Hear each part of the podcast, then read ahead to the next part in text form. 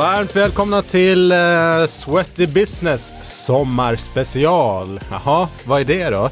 Yes, det är ett eh, format som kanske inte handlar så mycket om business utan mer om personen eh, bakom businessen. Eh, så att lite personligare frågor, lite lättsammare. Tänker att ni kanske ligger på någon sandstrand i Grekland eller någonting med någon eh, skön drink i handen och eh, ja, en bok eller någonting. Så att eh, lite mer easy listening. Ja, vänta lite nu. Nu är det så här ja. va. Idag handlar det på den om dig.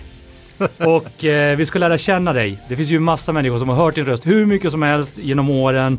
Eh, du har ju trots allt hållit på med det här ett tag. Så att idag handlar det om dig och därför är det min tur att introducera dig den här gången.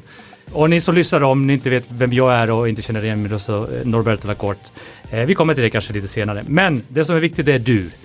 Brian van den Brink. Grundare av Sweaty Business. Före detta eh, marknadschef både på Sats och Technium, Keycraft. Du har ju varit verksam inom digital marknadsföring ganska länge kan man säga. Och marknadsföring överlag väldigt länge. En man som har järnkoll på allt som händer i och kring träningsbranschen. Det här är alltså killen man ska gå till om man ska veta vad som är hett, nytt. Eh, det som kokar, inte bara i Sverige utan eh, överallt globalt. Så välkommen Brian van den Brink.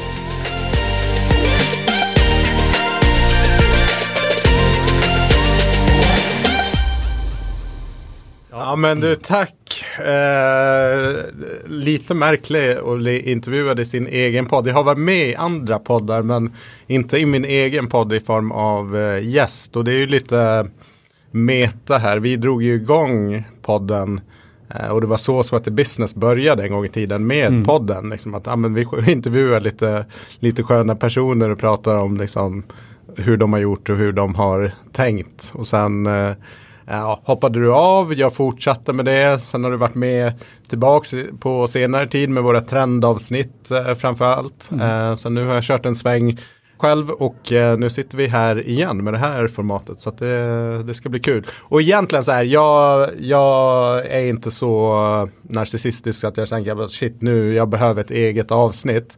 Men däremot så har det kommit lite frågor från folk som har undrat, men ska inte du vara med i podden själv och svara på frågorna som ställer till dina gäster och vad, vad liksom driver dig eh, att göra det här och så vidare och så vidare. Därav. Det är asbra, det är liksom Sweaty Business svar på Sommar i P1. Ja, Eller? kanske. Nej, det är ju asmånga som kommer att vara jätteintresserade av att höra eh, vem du är lite mer, ja, men in på djupet. Herregud, ja. du eh, du har gjort en eh, eh, bra resa, eh, väldigt spännande. Du har, du har ett jäkligt intressant liv. Så vi, vi kickar igång. Yes, vi, vi kickar igång. Nu, nu ska jag ställa frågor. Fan vad skönt det här känns. Ja, då kör vi. Eh, Okej, okay, vi börjar med första frågan. Eh, vad tränar du? Eh, styrketräning och löpning tränar jag på. Eh, om vi pratar fysisk träning. Ja. Det är väl det som är basen i min träning. Tränar kanske fyra till fem pass per vecka beroende på vad jag hinner med. Men uh, har en ambition om att göra någonting minst 30 minuter per dag. Uh, så att vilodagarna så är någonting förmodligen då en promenad eller någonting liksom mm. aktivt så ändå. Det är en bra plan. Mm. Det är en riktigt, riktigt bra plan. Alright, vi går vidare. Vad läser du helst? Jag läser nättidningar. Eh, eller helst och helst, det är det vanligaste jag läser. Eh, håller mig uppdaterad, eh, material till Sweaty Business, allmänt nyhetsflöden och så. Eh, sommartid blir det böcker eh, och då Ja, jag vet inte. Jag läser ju både fakta och eh, nej, är det semester så blir det nog någon roman, mm. fiktion. Okej, okay. har du någonting att tipsa om? Som du har läst nyligen? Nej, jag är inte så lite där liksom. Nej, jag har inte läst någonting på nyligen. Jag har faktiskt mycket ljudböcker på Storytel. Har jag, typ de senaste två somrarna har det inte blivit så mycket böcker med mm. liksom eh, relativt små barn. Så det blir liksom inte, Nej. jag måste komma in i fokus. Sådär. Men vad, vad lyssnar jag på i sånt fall eller läser? Jag, det är mycket um, de här Stig Larsson eh, mm. böckerna och nu som då Lagerkrans har tagit vidare. Eh, typ Jens Lapidus eh, med den serien, alltså ja, den typen av, av böcker. Ja, skönt. Skön värld att liksom mm. eh, sjunka in i. Sjung, ja, precis. Ja, men lite, bubbla. Lite riktigt, lite fiktion. fiktion. Vi, vi fortsätter i ämnet kultur. Mm. Eh, därför då så undrar jag, vad lyssnar du på? Jag lyssnar på jättemycket musik, har alltid gjort. Ehm, så att det är med mig en dold talang där det är så här, när det är quiz-tävling, musikquiz, att man ska på ett intro Mm. liksom svara så snabbt som möjligt vilken låt och vilken artist. Alltså jag har inte mött någon som är i närheten. Oh, där har ni en utmaning. Eller hur? Nej men musik, allt möjligt lyssnar jag på där och sen lyssnar jag mycket på poddar. Eh, mycket fakta eh, poddar. Jag vill ofta få med mig någon kunskap så att det är mycket marknadsföring, digital marknadsföring och det är eh, en del träningsbranschpoddar sådär. Som, eh, det finns mest på engelska då. Eh, men då beror på vilket ämne och vilken gäst Ja. som är med. Eh, musik och poddar. ja. Om du fick obegränsat med pengar till något projekt eller ändamål, vad gör du då? Ehm, mm, den är ju, fan det finns så mycket man skulle vilja göra. Jag, eh, nej men utjämna o- skillnader liksom, så basic grejer tycker jag ändå så här eh, mänskliga rättigheter kring, kring att liksom kunna ha kunna ha vatten, alltså kunna ha ett, ett värdigt liv liksom. Så det skulle nog bli något sånt eh, projekt i tredje världen, eh, om man nu får använda ett, ett sånt uttryck. Eh, Ja. Men det finns massor av eh, projekt. Eh, och där är vatten, måste jag säga, Mm. en liksom grundfundament och det kommer bli ett större problem eh, framåt. Oh ja. Så jag har inte definierat det, men många hade nog säkert trott att ja, få igång barn och bli aktiva och sådär. Så här, ah, fast det inte ett, det finns ännu mer grundläggande saker som inte funkar för människor där ute. Mm. Så något sånt. Smart. Mm. Smart. Från det då till, eh, till vad som gör dig riktigt förbannad. Jag kanske inte sådär jätteriktigt förbannad men i alla fall lite förbannad. Ja, nej men eh, jag skulle nog säga att man blir besviken på människor. Människor som inte håller sitt ord eh, avskyr jag. Det är nog det värsta jag vet. Saker kan ju ändras men bara man är transparent och tycker bara shit, det har, det har förändrats. Det är fine. Eh, en, en brist, jag vet inte om det är svenskt liksom, men sådär att folk eh, strutsar, att de bara försvinner. Man slutar svara på mail, samtal och liksom bara Ja, problemet försvinner bara för att jag, jag tystnar. Det är nog bland det värsta jag vet. Ghosta. Fan, det är bara att höra av sig och säga bara du sorry, det blir ingenting. Ja, kanske blir besviken men då har jag i alla fall fått ett svar. Så att det är någonting som kan få mig att, jag vet inte om jag blir förbannad men att tappa respekten för någon. Eh, absolut. Sen, jag brinner väl inte av sådär jättemycket men trafiken är väl kanske inte min bästa grej. fast, fast det är ju bra att du åker moppe då. ja. Du och jag åker moppe nu. Vi har tröttnat på det här. Japp. Ja, härligt. Ja, men, eh, ja, men härligt. Ehm, då ska vi se här. En app du använder mycket.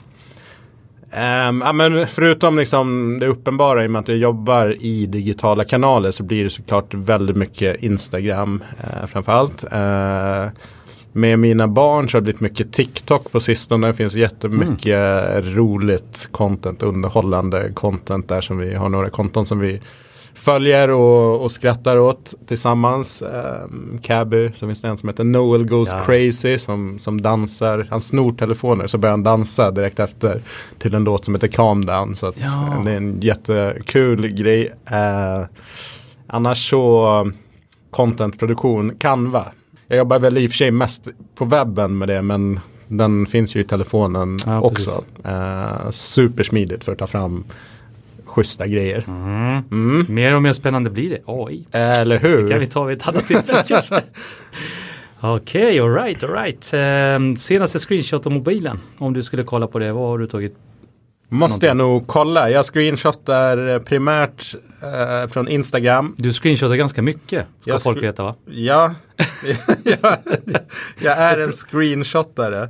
Ehm, generellt sett, det här blir rätt kul, men eh, generellt sett så, så brukar det vara Instagram att man ser någonting, eh, mycket inspiration, så är det någon som har gjort något bra inlägg, man får en idé på någonting man själv skulle kunna göra eller mycket eller mycket, men så här kläder och, och skor och sånt där. Mm. Eh, att man ser någonting schysst så, så hittar jag det där. Ja. Ehm, men den senaste jag skickade, vi har en, jag och några kompisar har en fotbollschatt som har hållit på i typ tio års tid. Eh, och då var det Milans startelva i Champions League semifinalen mot Inter och då skrev Åh, jag så här. Är det här den sämsta startelvan eh, någonsin i en Champions League semifinal? Eh, så att det, det var den senaste screenshoten som Okej. jag skickade in i den här WhatsApp-chatten. Men ö, innan, innan, innan vi går vidare så i och med att jag känner dig en del, vi, vi har ju känt varandra länge. Eh, jag vet ju, i, inte nog med att du älskar musik, jag vet att du själv spelar gitarr och, och älskar liksom bara sitta med guran och Mm. plinga och sjunga och sådär. Det, det, det är ju en grej som kanske inte folk vet om dig. Eh, utan vi som känner dig vet ju om att, att eh, du älskar det. Men sen så har vi också, du, du, du gillar ju mode också. Ja, absolut. du, du, eh, du är väldigt intresserad av mode och, och det ser man ju på det när, du, eh, när man ser bilder på dig och hur du klär dig. Så du klär dig ju väldigt snyggt och du får ofta Tackar. komplimanger i, i det här. Så att eh, där har ni också en, en förebild, inte bara inom träningsvärlden utan också i, i mode. Så det är kul, kul att få Ja, men det finns fram det. ju ett, ett stort utbud. Alltså jag är intresserad liksom. Och det, det, kläder är viktigt liksom. ehm, för alltså hur folk uppfattar Mm. en.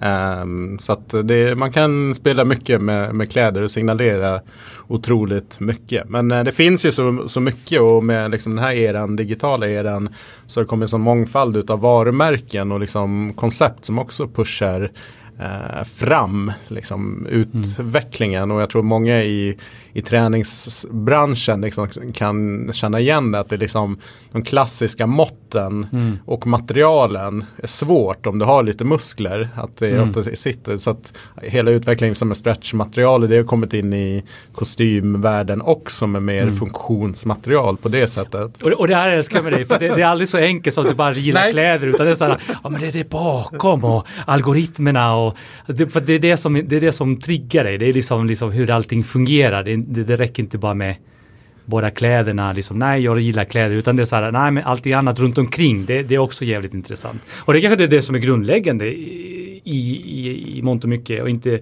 kläderna i sig, utan det som, Ja, men det, hur, hur det funkar runt omkring. Exakt hur det funkar och ehm, ja, nej men det finns mycket. Jag gillar att gräva lite djupare och sådär och inte heller så här slänga på sig vad som, vad som helst. Så här, Shein, liksom ultrafast fashion grejen.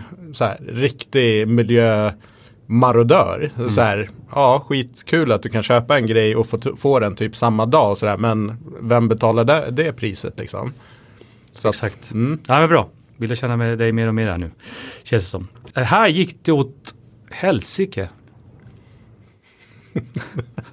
Ja, nej men det, Behöver du fingerrålarna? Jag behöver många Nej men det har gått åt helsike jäkligt många gånger liksom. Det, dels så är det väl livet liksom. Eh, och vågar man inte testa och utmana så, så går det ju inte åt helsike. Då ligger man i någon safe zone men då kanske inte utvecklingen blir, blir max. Men en, en grej som brukar komma upp det är så här, när jag jobbade på Sats eh, så hade vi under flera år, då hade man månads kickoffer med typ platscheferna, försäljnings, ja egentligen säljteamen på anläggningarna. Så samlades man i Kista och sen var man i Göteborg så det var två dagar och eh, då var marknad då som, som var lika med jag, eh, hade ju en del i de presentationerna. Ja. Ehm, jag var inte superbekväm med att presentera saker, liksom aldrig gillat att presentera framför klassen och sånt där. Eh, så det var liksom en, så verkligen så djupt andetag på den. Ehm, Ja. Och sen, ehm, ja men så hade jag min, körde jag mina presentationer, var okej liksom. Eh, jag hade gjort dem bättre idag, men då satt jag vid ett tillfälle bredvid försäljningschefen eh, och hon sa så här, ja Brian, du, det är bra när du går upp liksom, men du är ju ganska inte tråkig men liksom det är stabilt. Det är, det är inte så mycket dynamik kanske vad hon är ute efter. Ja. Ja. Hon bara, du skulle nog tjäna på, på att göra lite kul ibland liksom. Att skoja till det. Ja. Och liksom, det sa hon typ tre minuter innan jag skulle upp. Eh, jag går upp, fullsatt, jag inte, kanske 200 pers liksom. Ehm, och så drar jag ett skämt. Jag tänker inte ens dra det här för att det var så dåligt. Jag använder ironi. Och, liksom, Okej. och, och känner man inte någon, då vet man ju inte om de menar på riktigt eller inte. Så att alla blev helt tysta. Oh, en skrattade typ lite så halvnervöst. Och så körde jag på. Eh, det, alltså det, det släppte ju efter någon, någon, sekund liksom. Men det blev helt tyst. Och liksom så här, det här skämtet gick helt över huvudet på alla. Det var skittråkigt. Och sen när jag satte mig så till försäljningschefen. Kom aldrig med några sådana coachingtips precis innan jag ska gå upp igen. Så det gick åt helvete. Ja, mm. okej. Okay. Ja, det var, det var det är ganska kul också samtidigt i och för sig. Ja, men den kommer jag ihåg. Det skulle man ju inte tro då idag när du, när du liksom föreläser för flera hundra personer. Du har absolut inga problem att föreläsa och hålla på med podcast och video och allt vad det nu är. Så ja. att, eh, ja, det var, Men det var, det var en kall dusch och ja, man måste ju gå på sådana grejer också. Ja, jävla skön anekdot ändå. Snyggt. Um, bästa tips för återhämtning, vad gör du då? Um, ja, men jag, alltså jag, alltså aktiv återhämtning och det är typ så här ut och promenera eller göra någonting, fixa trädgården, fixa balkongen. Uh, för min del så är det mycket det. Jag mm. har svårt att liksom ja, men åka ut i en stuga en hel helg och koppla bort ifrån allting. Jag skulle nog bli ganska stressad mm. utav det. Jag skulle inte komma ner i, i varv. Men om jag däremot gör någonting. Eh, och så lyssnar jag på någon psykolog i en podd som pratar just om att olika sätt att återhämta. Och vissa behöver den här totala, liksom åka till Indien och liksom vara en månad på tystnadsretreat. Medan för andra så det är stressande. De återhämta sig medan de gör något. Och jag är nog mer av den här att ja, men fixa och dona är lite lågintensivt. Mm. Sådär. Och gör någonting annat kanske framförallt än det. Man jobbar ju ganska mycket hjärnan hela tiden och liksom är alert och på. Eh, så att bara göra något som bara är så lite mer kropps, mm. kroppsarbete. Mm. Bra typ. tips. Mm. Känner igen det där. Bra tips.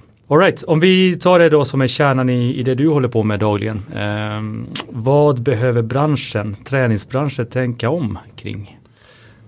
Um, nej men eh, det har vi snackat om ganska mycket i podden på sistone. Liksom någon förflyttning från fitness till hälsa. Att jag tror för många i träningsbranschen som varit med under den här perioden som jag har varit med så har det liksom varit så här ja, men träning är hälsa. Jo men det är en del av hälsoperspektivet. Eh, men hälsa är ju relationer med andra människor, social kontakt, eh, hälsa är sömn, hälsa är kost, alltså det är så mycket bredare så att det är väl det som jag tänker är eh, den stora liksom, frågan för branschen framåt. Liksom, att bredda det perspektivet. Vi har någonstans kommit lite så långt vi kan komma med träningsdelarna. Vi når de här 20-25 procenten och vi är väl i, i topp i, i världen kring det. Så att det är frågan liksom vad är nästa steg? Och eh, där är det dels här koncept, alltså utbud, vad kommer vi erbjuda för någonting till marknaden, hur kommer vi leverera det? Eh, och sen en stor del där är ju liksom kommunikationen, att komma ifrån de här eh, prestationsbaserade kommunikationen. Många säger, ah, men vad har du för träningsmål? Det är en prestationsbaserad kommunikation. Eh, kanske inte har något mer träningsmål än att må bra. Eh, och man ser kanske inte som ett mål utan det är bara så status quo. Någonting. Alltså jag har inte som mål att jag ska duscha varje dag. Jag duschar varje dag mm. i princip. Eh, det är något, något som händer. Um, så att uh, mycket har nog kring kommunikationen. Sen tror jag så här, alla gymaktörer ska nog inte vara så här erbjuda kost och det är liksom nästan närmast sig primärvården. Jag tror att det behövs en flora. Vissa ska inom citattecken bara vara gym och leverera det sjukt bra mm. och till en lågkostnadsprodukt. Andra ska vara liksom väldigt liksom så att hitta den där floran. Men vi är ju ganska likriktade i, i Norden eh, kring koncept och, och sådär. Eh, så att jag tror att det kommer sticka iväg åt lite olika håll där. Mm. Eh, så där är nog eh, tänka om kring att målgruppen har breddats och behöver breddas ännu mer och då kommer man inte kunna lösa det med samma metoder och kommunikation som man har gjort innan. Så det är väl där tror jag mycket ligger. Bra. Och våga välja blir ja. det nog också för aktörerna då. Att vad ska vi vara för, vara för någonting? Kloka ord.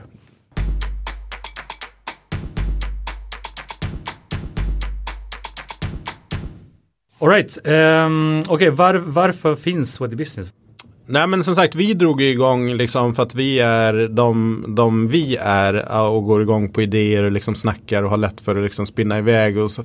Jag vet inte exakt liksom men jag tror det var någonting i stil med att vi ville liksom träffa. Jag tror jag var inspirerad av framgångspodden liksom att intervjua mm. och träffa framgångsrika entreprenörer. Så bara, ja men det finns ju massor av sådana i träningsbranschen men de är inte så stora så att det är relevant och intressant för framgångspoddens eh, liksom rikspublik så. Eh, och det var väl lite så liksom. Och vi hade ju inte ens, vi bjöd ju in folk eh, och podd 2017 var det här var liksom inte jätteutbrett på det sättet som, som idag. Så att bara liksom tekniken, hur, hur, ska, hur spelar vi fasen in liksom. Och ja. nu finns det poddstudio här på Hotel Clarion Sign där vi sitter liksom. Men då hade ju du en kontakt så att vi satt ju en riktig studio där man spelar in typ P3 Dokumentär och liknande. Alltså på den nivån. För det fanns inte så mycket poddstudio. Nu kan du ju spela in överallt. Så det har hänt så mycket tekniskt. Um, och sen um, var det väl folk frågade också så saker som vi diskuterade i podden och tog upp eh, spaningar och sånt där. Och, så jag vet inte, jag tänkte så här, ja, man kanske skulle göra en hemsida eller en blogg utav det här och liksom lägga upp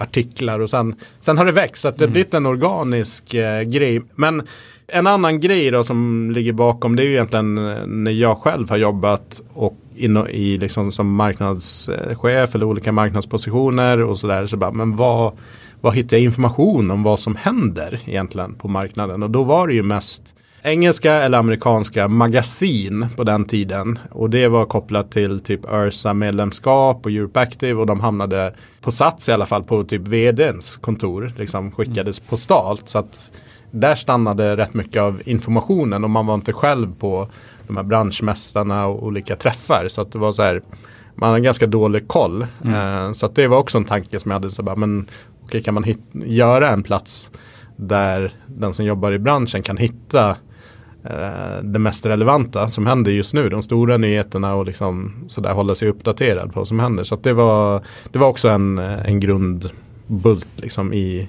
i Sweater Business. Mm. Och egentligen reason to be. Alltså det är kul med podd och hela den grejen. Men okej, vad är det som skapar värde? Jo, men jag tror det är den här informationsdelningen. Att på ett enkelt sätt kunna hålla sig uppdaterad.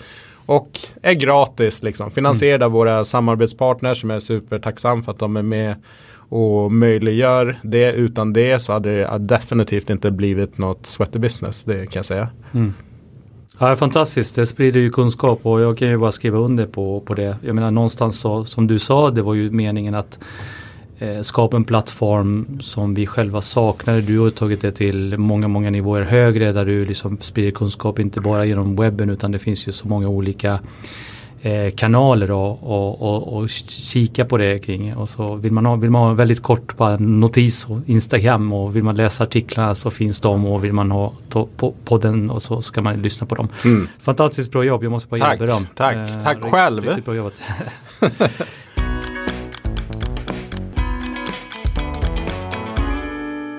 bra, nu över till något helt annat. För nu ska vi eh, lite grann ja, men titta lite djupare, lite roliga saker kanske eh, som inte kanske har så mycket med branschen att göra. Eh, förmodligen, jo, om, om det handlar om det så har det väl det. Men, men eh, vi börjar med, med det som jag tror många är intresserade av. Och hur ser din träningsvecka ut? Nej men jag sa ju det innan att eh, ungefär fem pass eh, per vecka. Två, nej tre styrkepass och två kondition, alltså löpning. Eh, och särskilt nu på våren. Och kanske nu på sommaren att det twistas om. Det är tre löpning och ett eller två styrkepass. Jag är inte så jättebenägen att gå in på gymmet. Så fort mm. värmen och solen kommer så tycker jag att det blir svårt. Alltså. Jag kör hellre utomhus. Eh, så det är så eh, det ser ut egentligen. Mm.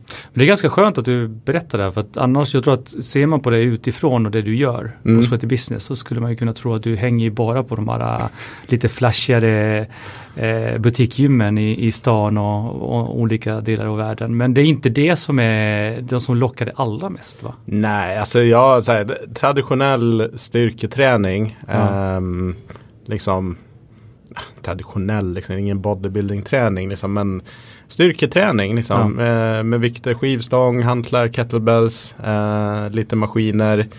Uh, gärna supersättat, uh, få lite puls i det liksom. Men det, det är kärnan i det. Sen är det kul med butik och hela grejen. Men jag gillar inte att vara tidsbunden så mycket. Så att för mig är det här med att boka pass och liksom förhålla mig till ah, det, mm. Jag vill gärna gå på känn där. Jag har ungefär en plan för dagen. Jag brukar schemalägga i min kalender. Liksom. Och det brukar ju vara på morgonen eller på lunchen oftast som jag, som jag tränar. Så att då har jag i alla fall någonting. Men sen om lunchen inte blir av, något möte drar över tiden, men då kör jag på eftermiddagen istället. Mm. Ja, Brian är morgonpigg. Eh, det, var, det var ju inte jag när vi, när vi reste tillsammans, men jag fick lära mig. Det är en annan podd det också. Alright, alright. Um, då ska vi se här, vad har vi mer då? Uh, favoritkonton på Instagram eller TikTok? Du snackade lite grann om TikTok förut. Mm. Uh, har du någonting mer att ge? Och, ja, nej men TikTok så, så är det mycket som klart med, med barnen som jag säger. Jag är inte själv så mycket på TikTok mer än att liksom scanna av. Så att um, Cabby Lamé eh, och uh, den här Noel Goes Crazy. Sen finns det ju flera andra som vi har börjat följa. Liksom. Jag kan inte dem på rak arm. Men mm. mycket kretsar kring humor och liksom kul ja, grejer. Typiska konton som man bara kan fastna i hur länge som helst. Ja, ja, absolut. Ja. Uh, men jättekreativa.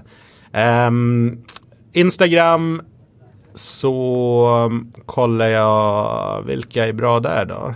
Um, ja, men jag följer mycket i branschen för att hålla mig uppdaterad. Allt ifrån gym till personer och sådär. Så att det är ganska brett. Så att jag har nog inget så här go-to-konto på Instagram. Som så här, det här måste jag mm. gå och kika in. Liksom. Det, det är inte så kanske så superkreativt, eh, innovativt på Instagram. Jag tror att om man vill hitta nya trender och liksom bli inspirerad för sociala medier och hur man uttrycker sig. Så, så tror jag TikTok, eller så är TikTok mycket mycket bättre kanal för de delarna. Och jag ser ju liksom hur humorn som är en stor del av TikTok har liksom smittat av sig på Instagram. Liksom mm. att företag och varumärken de släpper corporate-manteln ganska mycket och blir, vågar bli lite mer personliga, lite mm. roligare mm. och liksom ja, have a laugh about it. Liksom, till och med de mest seriösa modevarumärkena som liksom är någonstans essensen utav att vara högfärdiga. De går ju in och gör liksom väldigt humoristiska saker på TikTok. Mm.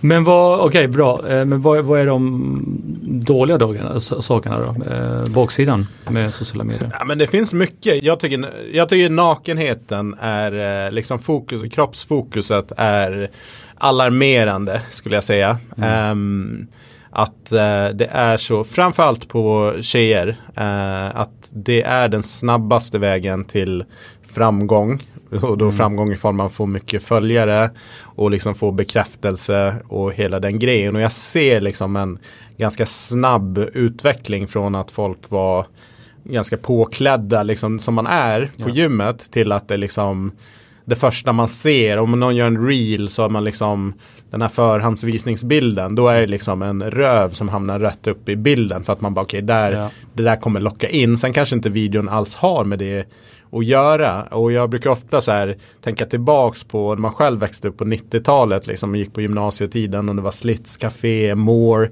Mm. De här liksom tidningarna som ansågs vara sleazy. Liksom att jävlar exploatera tjejer och mm. hela grejen. Om jag går tillbaka, bara de bilderna jag minns. Så de är ju ingenting jämfört med vad som dyker upp i liksom ett vanligt Instagram-flöde. Jag, du frågade om screenshot, det var en screenshot innan som jag hade som jag funderade på att göra ett, ett inlägg kring på, på Sweaty Business liksom. Där man i princip en tjej man zoomar in på ja. liksom könet. Mm. Hon har tights på sig men liksom är väldigt nära in på. Det är så här, men var ska det sluta? Och sen mm. fortsätter det där in på Onlyfans och vad händer där? Jo, där är det väldigt mycket mm. konton och personer som har liksom gått över gränsen. Där är de nakna mm. istället. Så att, ja, jag, alltså det är jävligt problematiskt ur, ur många perspektiv. Dels är så här, ja, enklaste vägen till, till framgång och få många följare.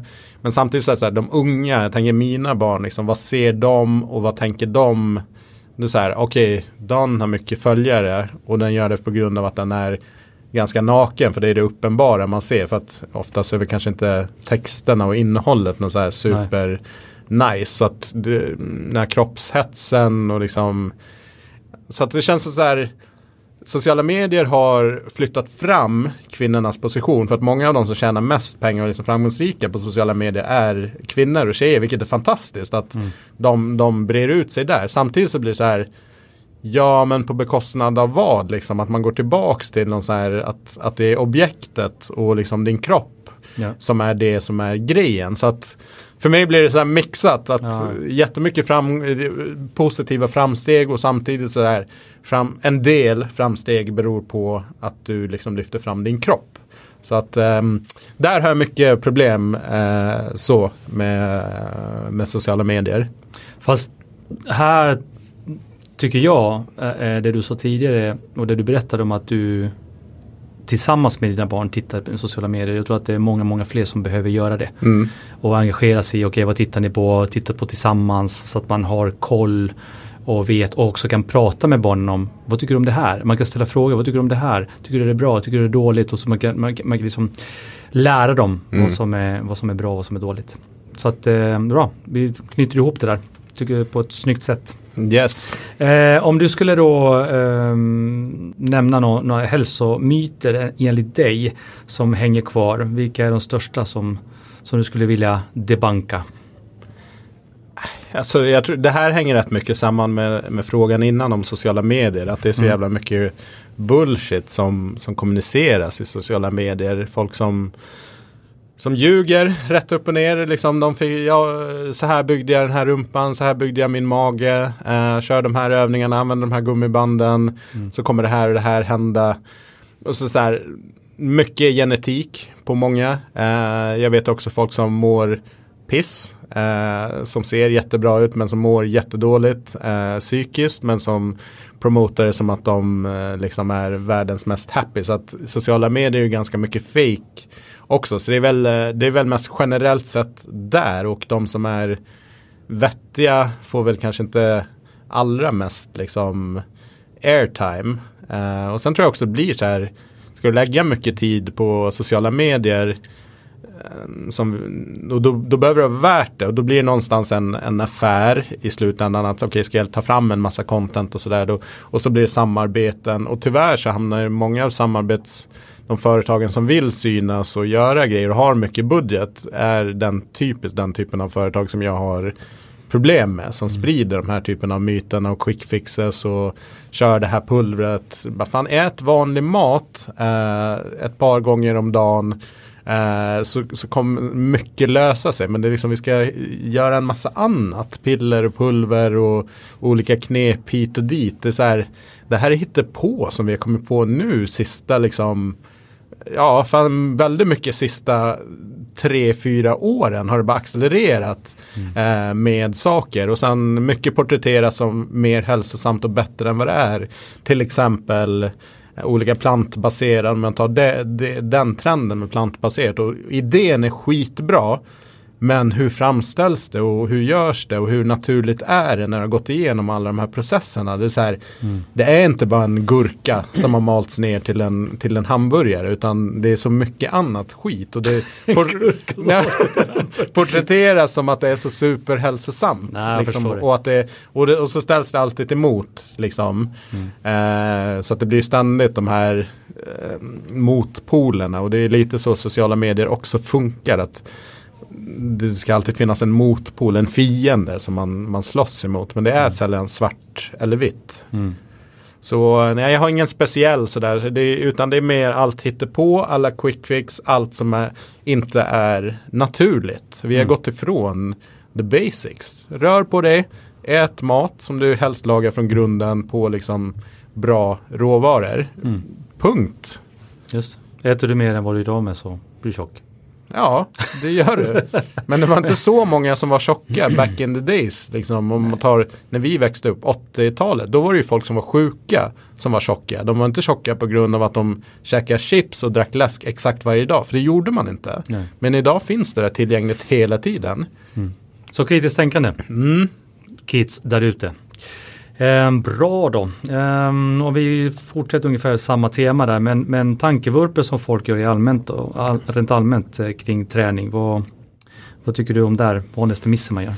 Quick fix, återigen. Man, mm. Eh, man har en, en livsstil och har haft det under en, en lång tid och så vill man ha hjälp med att fixa något och det ska gå väldigt snabbt och kanske också att man inte är beredd att ta tag i de riktiga frågorna och jag upplever så här mental Eh, psykisk ohälsa är orsaken till mycket. Eh, att folk eh, men de går upp i vikt och mår dåligt.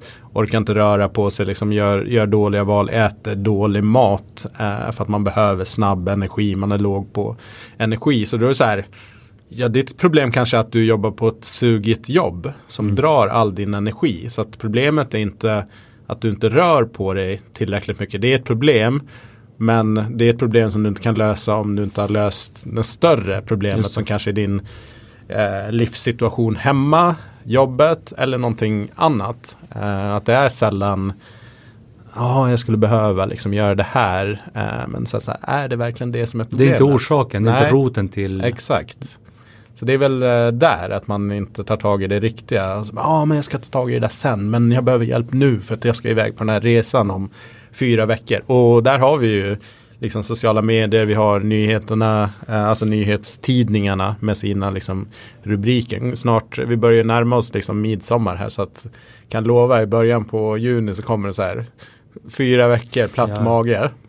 Så att den typen av eh, grejer så att som, liksom det är en liten klyscha så här, men har det tagit dig flera år att komma till där du är nu, varför skulle det ta fyra veckor att bli perfekt igen? Det är liksom helt ologiskt. Mm, kloka ord. Mm. Kloka ord.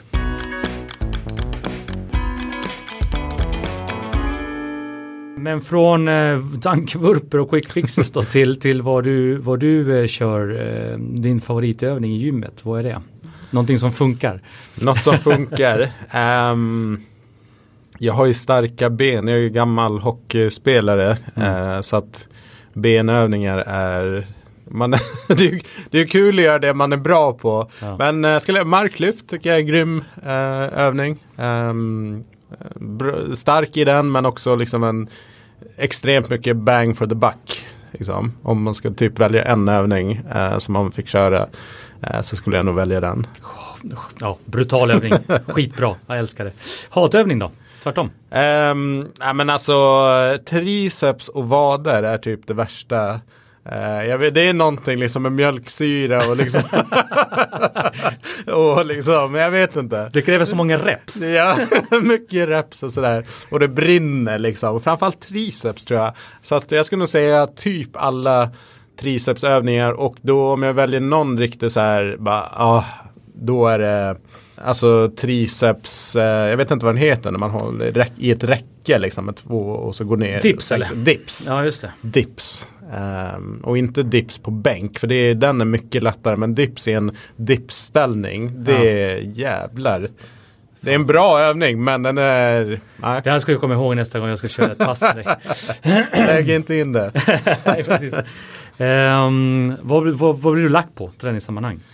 Um, ja, men jag, alltså jag, jag blir lack på folk som inte plockar undan efter sig. Gym, vett och etikett. Och där tror jag också gym, gymmarknaden, gymaktörerna har ett jobb med att faktiskt utbilda och kommunicera hur folk ska bete sig. Man tar för givet att folk vet att man ska ställa tillbaks eller liksom ordningen på vikterna, de lättaste över som tyngre mm. nere. Men så här, rent krasst så här, på rätt många gym står det inte ens markerat vilken vikt som ska på vilken plats. Ja, då lämnar man ju det ganska mycket åt slumpen.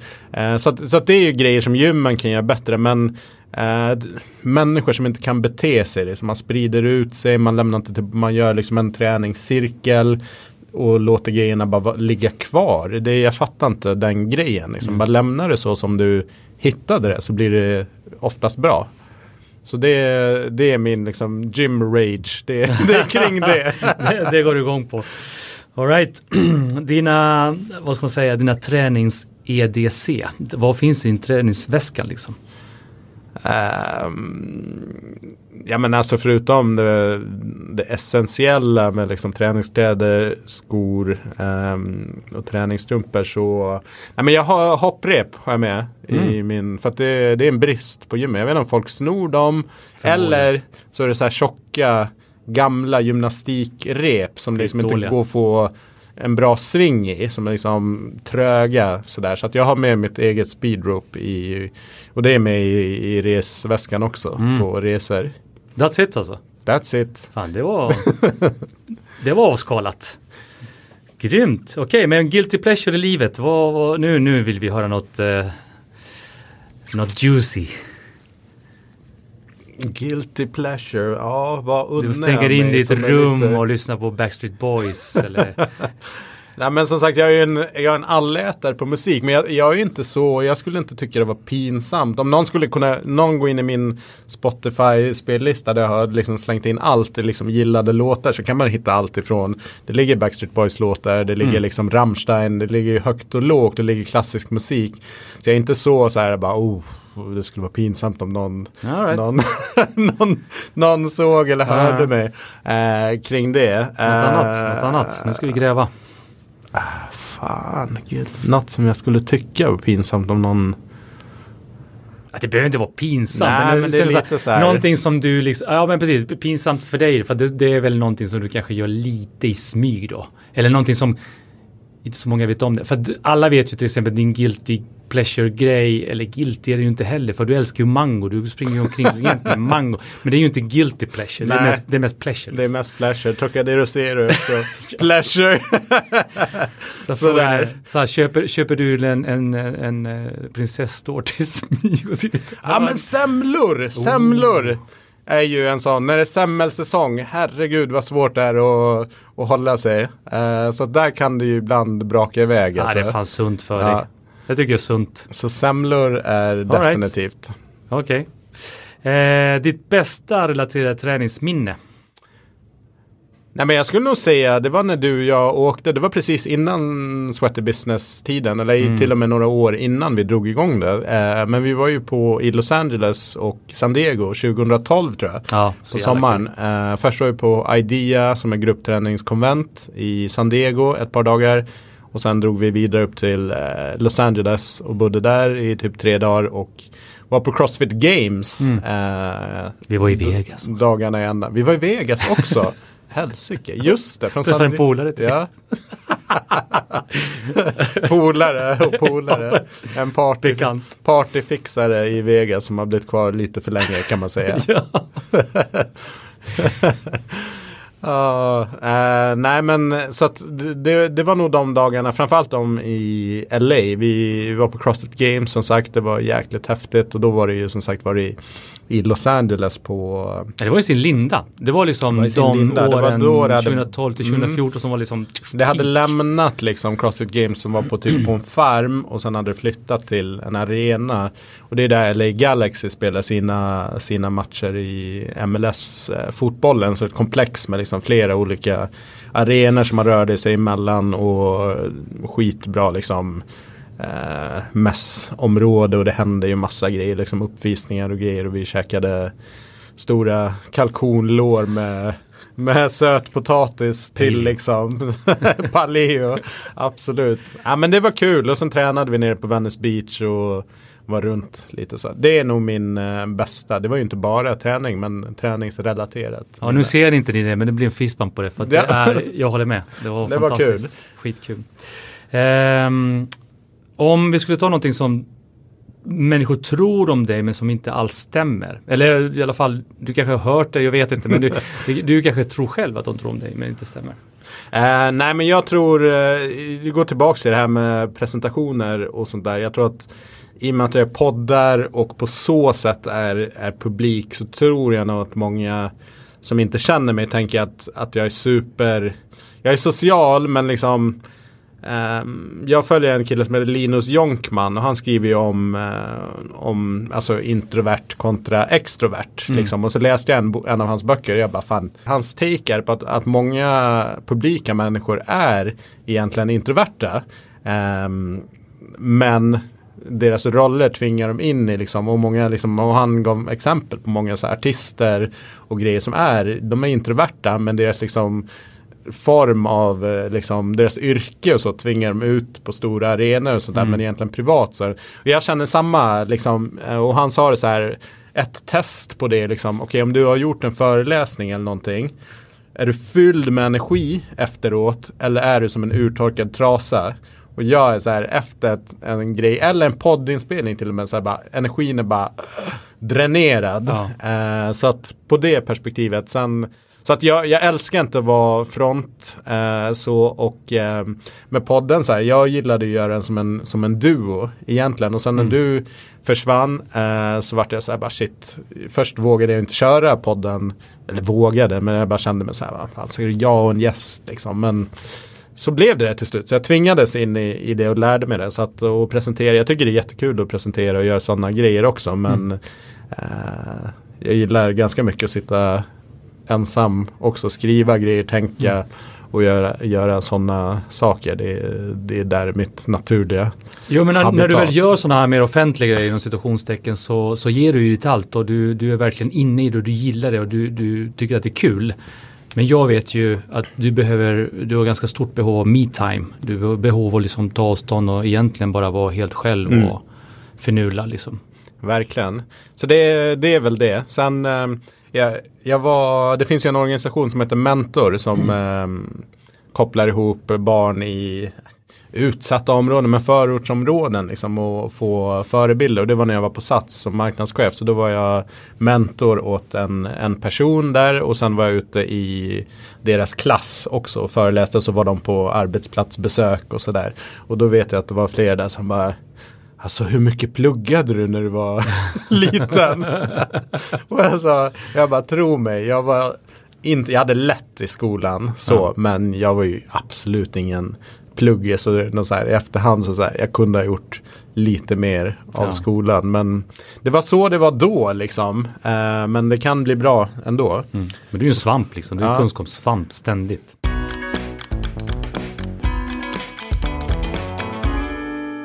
Om du fick vara en person från vilket tidsålder som helst under ett helt år, vem skulle du välja vara då?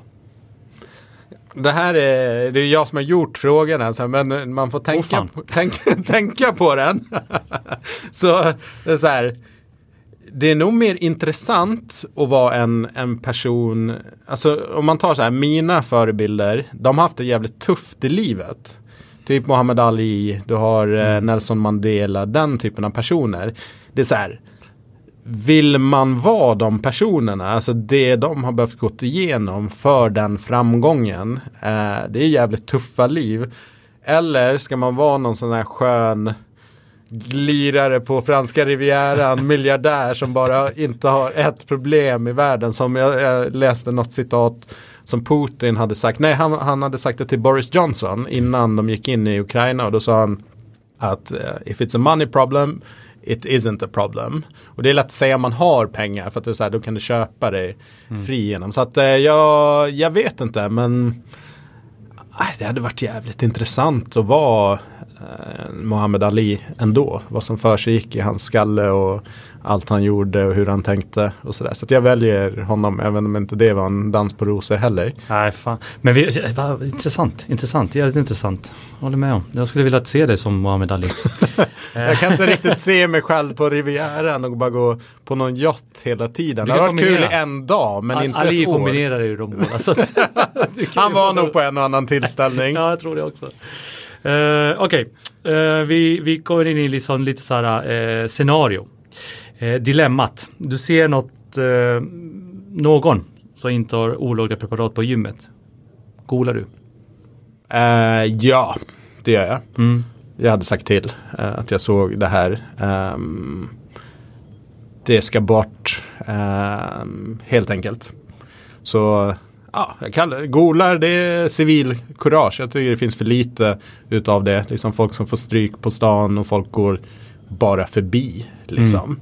Loss, vänder andra kinden till. Eller ta liksom. fram mobiltelefonen och bara filma istället för att göra någonting. Ja men typ lägger ut det för att själv få en massa cred i sociala medier. Mm. Man bara, det är rätt sjukt eh, beteende faktiskt. Om man själv hade varit där och anfallen av ett gäng. Liksom. Hade man velat ha folk som står och filmar eller hade man velat haft några som i alla fall åtminstone skrek till liksom och fick lite uppmärksamhet. Så Mm. att eh, definitivt, definitivt. Alright, du har eh, Uppdrag granskning. De kommer att knacka på din dörr. Du öppnar förvånat och tänker. vad fan har jag gjort nu? Inget specifikt. Nej, jag har ju inget så här lik i garderoben men det, det hade nog, jag hade, tanken hade nog varit så här bara, är det någonting kring sweater business? Är det något med något så här skatt, alltså något som hade, inte för att jag skattefuskar men så här, att, att det är någonting eh, som in, på något sätt inte står rätt till. Det skulle nog vara den första, förutom att liksom vad fan gör ni här? Liksom, Mm. så så här, okej, man försöker ändå så här, vad kan dyka upp här? Ja. Varför kommer de hit? Det är skönt ändå att du, du, eh, ja, du är så pass en så pass ärlig människa så att du, du tänker i alla fall att det, det måste vara någonting relaterat till själva företagandet. och, inte, och inte till dig som person liksom. Nej, jag tror inte det är så kontroversiellt. Det fanns nog en tid back in the days som, som där kom upp helt andra tankar. Men de är tack och lov långt borta. Ja, vi har alla våra perioder i livet. Då så Brian, då har vi kommit till eh, avsnittet som vi numera kallar för hatten. Vad det utgår ifrån eller vad det innebär är att vi, vi har en hatt, vi har massa ämnen så vi slänger i hatten och så ska du dra ett ämne och det ska du eh, då diskutera kring. Dina Mm. tankar och idéer. Så vi ska se här. Då drar vi upp inkludering och mångfald. Mm, spännande. Ja, det är ett eh, obekvämt ämne för många. Ja. Um, men det finns många aspekter och, och liksom hur jag applicerar det här på, på träningsbranschen. Um, så vad tänker jag om det? Jag tänker att um, apropå vad behöver träningsbranschen tänka omkring så tror jag definitivt att det här är ett, eh, ett område. Man tänker tror jag generellt sett att vi är till för alla, träning för alla och hela den, den grejen. Och det finns inget liksom formellt hinder för någon att liksom eh, börja bli medlem och träna på ett gym. Det är ju inte det. Men det innebär inte att man är tillgänglig och tilltalar alla. Jag tror eh, så här, bara en sån grej som språk. Eh, nu ser jag att faktiskt en del börjar svänga om till att köra engelska. Och det är väl det mest liksom vedertagna, så här, allmänna språket. Eh, så att det är ju ett steg att liksom göra saker mer tillgängligt. Vi har allt fler som, som jobbar i Sverige tillfälligt och folk kommer från olika ställen. Liksom. Så att språket, men jag tänker så här, jag är involverad i, i idrotten ganska mycket i, i fotbollen och idrottsrörelsen har också lite samma problem om jag Mm. ska vara helt ärlig. att Utövarna så har en enorm mångfald. Mm. Nationaliteter, kön, liksom hela den ur alla möjliga aspekter. Eh, men så fort du kommer upp på ledarnivå där jag är som tränare eller styrelse, ägare, ledning. Då är det i träningsbranschen väldigt mycket män Mm. eh, och det är väldigt liksom homogent. Mm.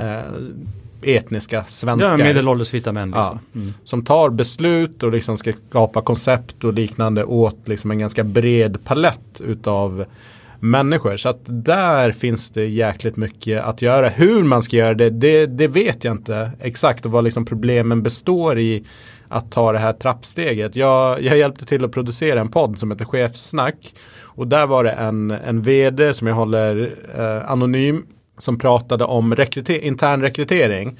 Och då var de väldigt stolta att de rekryterade internt till sina, sin ledningsgruppen. Eh, och hade en ganska jämn fördelning, manligt, kvinnligt.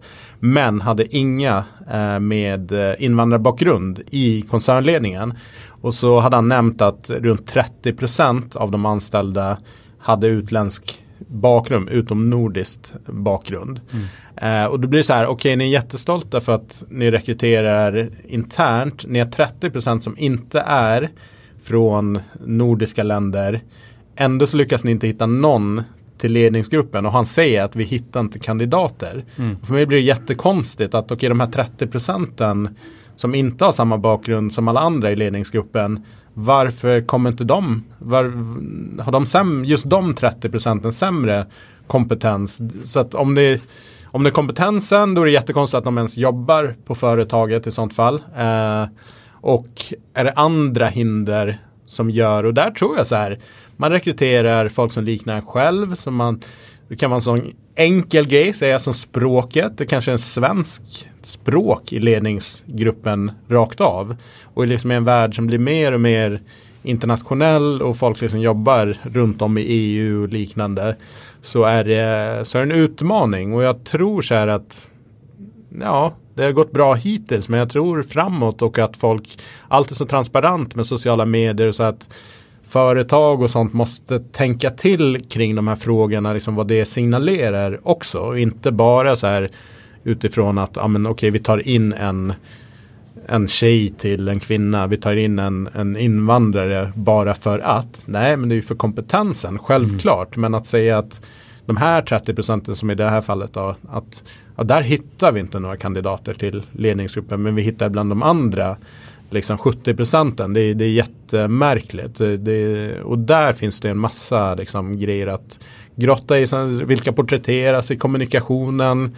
Vart byggs anläggningarna eh, och liknande. Mm. Så att um, mm, man, det. man ska komma ihåg att, att eh, det är inte en klyscha att representation spelar stor, stor roll. Jag menar, det, och, vill vi att ungdomar idag ska eh, ha människor att se upp till och, och tänka om en framtid som är ljus så måste det finnas förebilder. Det måste mm. finnas förebilder där ute där jag kan se, okej, okay, jag är ung, jag eh, tillhör den här gruppen av människor, vad det nu än må vara. Um, men eh, det finns faktiskt sådana som jag som har lyckats väldigt, väldigt bra. Mm. Um, det är viktigt. Och sen var man ska börja, jag personligen, jag vet inte vad du tycker, eh, men, men börja med att anstränga sig kanske lite extra och inte ta den lätta vägen. Liksom. Nej, verkligen. Och, och, det här är intressant. För jag pratade med en, en kompis. Eh, det var under så Black Lives Matter och då la företag ut liksom en svart ruta. Blackout Tuesday eller vad det var för någonting. Um, och så funderade jag så här, ska jag göra någonting? Så kände jag att den här blackout-rutan den betyder inte så jävla mycket egentligen. Så att jag väntade någon vecka och sen skrev jag ett inlägg med liksom lite olika upplevelser som jag har haft som, som svart i, i Sverige. Liksom, som var mm. ja, men rätt mycket sjuka grejer som har hänt. Eh, och då var det flera av mina kompisar som bara, jag har inte ens tänkt på det. Jag har ju bara sett dig som en av oss. Mm. Liksom. Vilket är helt naturligt. Liksom. Superhärligt ju. Ja. Alltså, ja. De bara, men vi har inte tänkt på det. Och, och ska jag ta ett exempel då? Vi, vi landar på, på Skavsta. Vi har varit eh, på Malta. Jag och mitt kompisgäng. Alla är gotlänningar och eh, svenskar. Liksom, svenskt utseende. Eh, vi går ut eh, och hämtat bagaget och allting. Och sen vi, precis vid liksom, utgången ut ur flygplatsen. Då står det två tulltjänstemän. Eh, som bara random inom citattecken plockar folk. De plockar två personer på hela planet. Mm. Du var en av dem. Och jag var en av dem och den andra var också svart. Eh, och mina polare som jag går med, vi är ett gäng, de kliver bara förbi. Mm. Och så hade jag det som ett exempel i det här inlägget och då, då sa min polare, bara, jag tänkte inte ens på hur sjukt det var att bara du blev utplockad av oss i vårt gäng. Varför då? Hur vet de att just du eventuellt har knark på det eller att de misstänker. Det, och det sa jag till hundtjejen. Jag bara, varför plockar du mig? Ja, ah, men det är, det är slumpmässigt utvald. Och så jag bara, nej, det är det inte. Så att bara sådana grejer. Så att okej, okay, hur... Eh, nej, men... kom, kom ihåg, det hände exakt samma sak när vi åkte till USA, du och jag. Ja, exakt. Nej, vi, vi, hade, var det, var det tre olika flygplatser, ja. du blev plockad på varenda en. Ja. Så att eh, random hit och random dit, det, det, tror jag inte. Det är profilering 100%. Så, sen har jag åkt massa gånger när det inte har hänt, men, men jag tror ändå att det ligger väldigt mycket eh, mm. i det. Eh, så att, nej, men att anstränga sig och vad, vad innebär det liksom? Ja, men, min, min polare han är vd på ett företag och han sa så här. Han bara, när du skrev där så bara började jag fundera på hur många kandidater som inte har varit svenskar har jag fått av vår rekryteringsfirma när vi har haft tjänster ute. Eh, på, och då liksom på som någon slags liksom mellanchef eller högre. Han bara, ingen. Mm. Och jag bara, ja, finns det inga kandidater? Liksom, vad, vad beror det på? Han bara, nej, jag ska ställa frågan till dem. Och jag hjälpte ett rekryteringsföretag med lite marknadsföring och grejer och de sa också så här, ja, men vi inkludering och vi tänker på det här. Och jag bara, ja fast ni är 25 pers här. Jag är den enda som är utom nordisk. Och jag ser kandidaterna som är här. Det är ingen här som, som sticker ut åt något håll. Och då säger ni ändå att ni är, verkar för det här. Så att, vad är liksom problemet? Mm. Uh, och då uh, sa en av cheferna på det här företaget, hon sa att ibland så handlar det om att det är inte ens värt att presentera för kunderna. För att de har så snäv bild av vad de vill ha in. Mm. Så att, att gå utanför är så här, det, det är inte värt det. Mm. Eh, eller det blir för mycket jobb. Brist på kunskap. Ja, exakt. Så att ett, en utmaning är just att man rekryterar lite som liknar en själv. Det är tryggt, man vet ungefär vad man får. Eh, man har samma typ referensramar och, och liknande tänker man.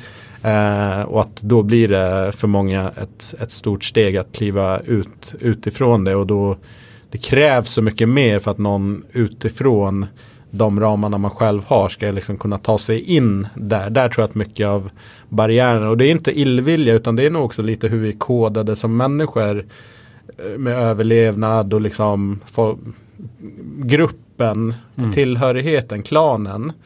Eh, så det är inte, jag tror inte naturligt för människan egentligen att inkludera människor som inte är som vi. Mm. Utan det kräver någonting annat. Men det kan, det kan raseras och tas bort, liksom, den typen av tänk. Men då måste man liksom involvera sig och, och liksom beblanda sig med människor av annan kultur och mm. bakgrund. Det är superspännande. Mm. Liksom. Men om något företag ska bli framgångsrikt med att öppna gym i förorterna i Sverige då tror jag att man behöver veta hur det funkar mm. på de ställena och prata med de människorna. Vad det innebär kulturellt. Ja, men alltså, du, du, du som företagsledare eller rekryterare om du inte vet hur man gör våga erkänna att du har för lite kunskap och våga ställa frågor. Mm. Eh, vänd dig till Brian. Men alltså på riktigt, ja, det, det, det, är ju ett jättebra sätt att göra det på. Eh, framförallt i, den, i träningsbranschen som, som du är verksam i. 100% av din tid. Eh, mm. Mer eller mindre. Ja men börja med att prata, jag är ingen expert. Ställ det finns frågor, mycket liksom. vassare människor som kan, som kan de här frågorna på ett annat sätt. Men att börja med att intressera sig, ställa frågor till människor som kanske inte är inom ens egen referensram och bara men hur upplever du det? Hur skulle du ha tänkt? Vad, vad behöver man eh, tänka till kring. Um, det, det, är nog liksom ett minimum åtminstone. Inte bara ställa frågan till närmaste kollega. Har ni någon bra på sociala medier? Så här? Ja men då blir det ju någon som de känner som är deras kompis eller tidigare kollega ja. som har ungefär samma profil. Och det kommer säkert funka och det är smidigt och det kommer gå snabbt liksom. Men ja, vill man ha förändring så får det kosta någonting också. Så att det blir också med, det tangerar ju såklart politik och grejer också att man vill eh, folk ska, ska in, integreras och liksom bromsa invandring och det, det måste säkert till. Eh, men då måste man också, att integrera folk innebär inte att som Persson, eh, jo, vad heter han, Johan på Liberalerna, han var på någon pizzeria i, i Västerås tror jag. Mm. Och så var det med liksom media och sådär och bara, åh, ett praktexempel på integrering, de kommer in och får jobb och skapar de har inget alternativ än att öppna en jävla pizzeria. Det är inte integrering. Du kommer dit liksom bakis och köper din pizza och liksom är happy. Liksom. Det är inte, du umgås ju inte med den. Du har ingen aning om den personens familjesituation. Eller, den hänger med sitt. Det är inte integration. Nej. Jag är integrerad men jag växte upp på Gotland där det fanns typ inga invandrare. Det var jag och några iranier Fick lära mig svenska, jag hade bara svenska kompisar. Och det ironiska att det kan jag ha emot mig när jag hänger med folk som har växt upp i mer liksom invandrarsammanhang. För mm. då blir det så att jag banan och de tycker inte jag kan relatera Nej, till dem. Så man blir lite så här mitt emellan. Så det finns ju åt, åt alla håll men vi måste få ner de här eh, klyftorna. Men integrering är inte att folk jobbar i vården och inte, alltså de, det är så här, det är inte integrering. Det är liksom, de får en sysselsättning och sådär men de är inte inne i samhället nödvändigtvis på, på rätt sätt. Bra, mm. kloka ord, bra tankar. Vi avslutar podden där, men vi ska ju också gå ut till en bra låt. Yes. Vad då, har du valt? och då tar vi eh, en låt som är till det här TikTok-kontot eh, Noel Goes Crazy. Han som dansar, han snor mobiler och skrämmer folk att han snor den men så börjar han dansa och så gör han liksom så här calm down tecken, händerna ner mot marken. Och den låten heter Calm down. Jag tror att artisten heter Rema. Eh, men vi kör den. Cool. Tack, tack ska du ha. Tack. Skitkul.